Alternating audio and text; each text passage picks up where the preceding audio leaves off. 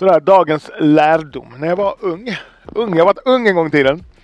När jag gick på gymnasiet i Malmö på Värnhemsskolan så hade vi så här friidrotts, friidrottsdagar. Och jag har aldrig tränat friidrott. Men jag har kunnat hoppa väldigt högt som, som ung. Jag hoppade som högst 1,83 centimeter, alltså i höjd. Och i längd, längd hoppade jag 6,90. Det är bara ett hopp. Alltså jag kanske gjort, i gymnasiet kanske gjorde tre hopp. Ett av dem var 6,90.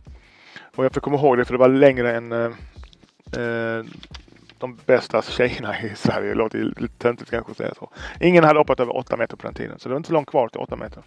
Eh, i, I Sverige ska jag säga. Men i alla fall, min poäng är. När jag skulle hoppa. Först hoppade jag, jag minns det så väl. För min eh, gympalärare blev helt exalterad. och tyckte att nu, du måste börja träna friidrott, jalla jalla.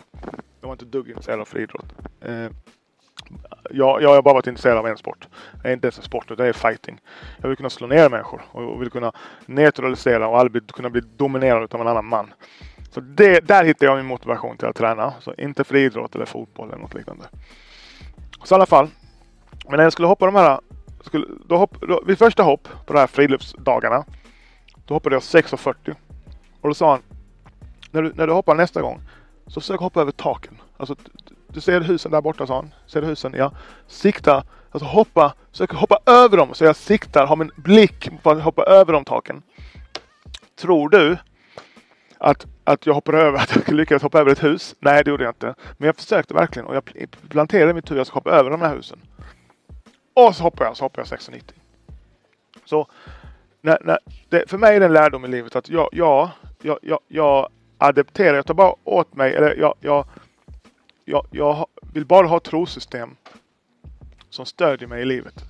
Eh, det är därför jag inte tror på till exempel ADHD för min del. Depression. Eh, fan vet jag, hans moster. Dyslexi. Jag, jag har inte de där eh, eh, vad heter det, benämningarna på mig själv. För jag, jag har så svårt att se hur de skulle kunna vara stödjande. Däremot har jag eh, ett, ett tankar att jag är privilegierad. Jag är privilegierad för jag är halvvit, halvsvart. Jag är privilegierad för att jag är född i Sverige. Jag är privilegierad för att jag är frisk. Eh, jag kan göra vad jag vill. Jag är tuffaste mannen i världen. Och alla de här sakerna jag sa nu, som, som jag sa nu. Att jag inte tror på, att jag inte har ADHD, att jag inte har dyslexi, att jag inte har det ena och andra. Att eh, jag är den tuffaste killen i världen. Alla de sakerna, om det är sant eller inte, det är inte det, det, det spelar ingen roll. Du får gärna ha, du får gärna ha rätt. Jag vill inte ha rätt. Utan jag vill ha Cash och bitches. Men jag, jag, vill, jag, vill, jag, vill, jag vill ju bättre nå mina mål helt enkelt. Och ska jag nå mina mål så tror jag det är oerhört viktigt att ha rätt eh, vad heter det, trosystem. Alltså att, att man tror på, på rätt saker. Hade jag, om du skapar höjd, till exempel eh, som han heter Stefan Holm, den här lilla killen som var så duktig på, på höjd. Skitsamma. Jag kan ta mig själv. Om jag ska göra någonting så är det viktigt att, tro, att jag tror på mig själv. Och jag förstår inte hur jag ska kunna bli glad, gladare och få ett bättre liv genom att tro att man kan bli, få en, något kliniskt fel i sig, alltså en, som en sjukdom. Att man är deprimerad. Jag tror bara man kan vara ledsen. Det tror jag på. Men that's it. Varför ska jag ha något starkare än det?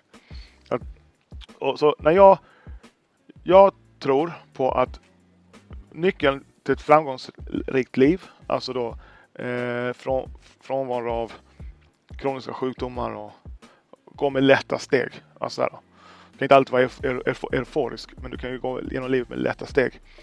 Och eh, alla, ja, bara ha ett bra, ett, ett bra liv så tror jag jättemycket på, att, på ansvar. Att, att, man, att jag söker sträva efter att ta fullt ansvar för det som händer i mitt liv. Så när jag får ett mail eh, och det är några dåliga nyheter så tar jag fullt ansvar för det. Då vill jag, försöker jag, det kan hända också att jag pekar fingret, det är deras fel. Men jag försöker fånga mig i mina tankar och tänka att det är mitt fel. Och går jag ut och det regnar så är det mitt fel. Det är inte mitt fel. Jag kan inte styra över regnet, regnet. Men mitt liv blir bättre med den inställningen. Så om jag är ledsen, då är det mitt fel. Då är det jag som gör något fel. Inte den, han eller hon eller den eller whatever. Det, det, ja, där står jag. Ett hundra procent. Och det är det jag strävar efter. Så jag kommer ju aldrig försvara min depression och säga nej, du vet inte om mig och jag är speciell och sånt. Jag kommer aldrig vara där. Utan det kan hända att om någon gör mig illa att jag pekar fingret. Oh, det är dens fel att jag är obalans. Men den, heter det, att skylla ifrån mig, det kommer inte vara länge. Det, det kommer inte vara en dag ens. Kommer, nu pratar vi en kvart, halvtimme tills det värsta går över. Och så kan jag ta fullt ansvar igen. Så nyckeln till ett, till ett lyckligt liv, ett framgångsrikt liv, man kunde sätta likhetstecken mellan dem, framgång och lycklig. Det tror jag att det är att man tar fullt ansvar. Det känns, alltså när jag mer tänker på det så mer självklart blir det. Så ja, that's it. Peace and love, bruh.